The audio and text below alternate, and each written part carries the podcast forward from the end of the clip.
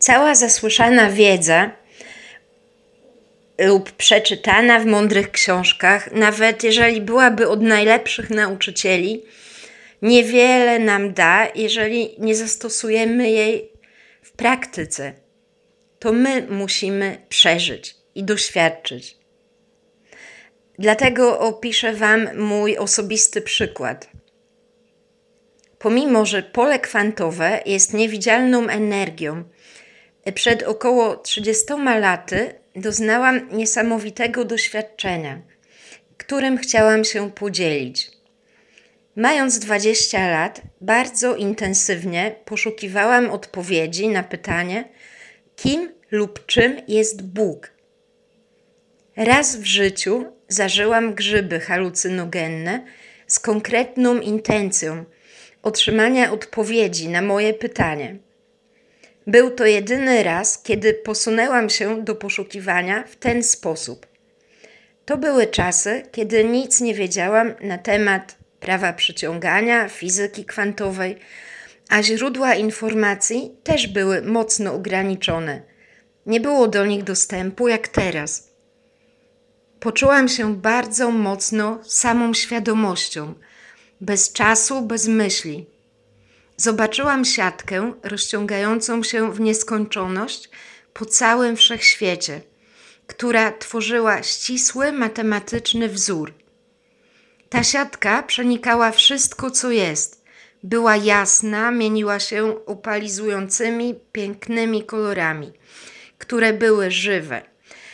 Można by powiedzieć, że była trójwymiarowa, ale lepiej oddaje, że ona była nieskończenie wymiarowa. Czułam się, jakbym to tam była w prawdziwym domu i u siebie na miejscu. Miałam wrażenie, jakbym zawisła w jakimś miejscu we wszechświecie. Cudownym, spokojnym, harmonijnym, cichym i z ogromną gracją, gdzie wszystko jest możliwe, otwarte. Trudno było określić, gdzie jest początek, a gdzie koniec z miejsca, w którym przebywałam jakby cały wszechświat był tak samo ważny i nie istniało coś takiego jak początek czy koniec. Byłam też świadoma Ziemi, że jest tak samo ważna, ale nie bardziej jak reszta wszechświata. Najważniejsza była ta siatka, uplatająca i przenikająca wszystko. Ona była matrycą i żywą energią, która reagowała na myśli, była jak żywa. Zaczynała inaczej wibrować i lekko zmieniać kolory pod wpływem myśli. Pomyślałam wtedy, o Boże, gdybym o tym wiedziała wcześniej, to zawsze uważałabym na to, co myślę.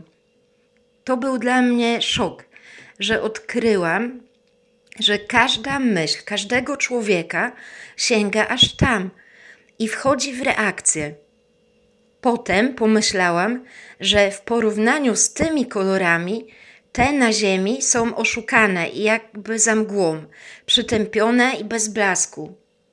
Trzecia myśl była taka, że najbardziej na świecie pragnę podzielić się tym z innymi, żeby wiedzieli, jak jest naprawdę.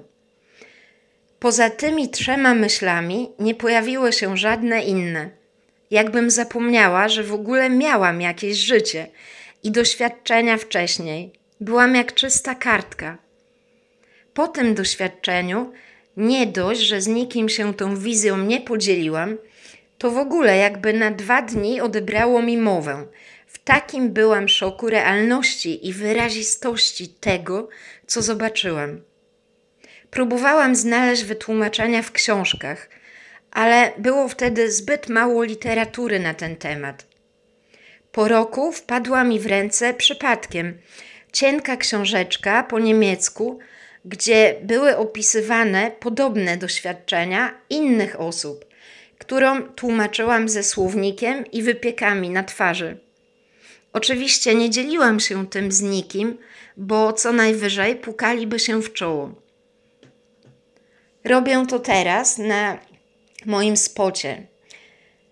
Widocznie to doświadczenie z wtedy musiało dojrzeć i odczekać 30 lat, żeby znaleźli się odpowiedni ludzie, którym mogę o tym opowiedzieć. Mam nadzieję, że ta opowieść i Wam się przysłuży do wzmocnienia wiary w prawo przyciągania i potęgę myśli.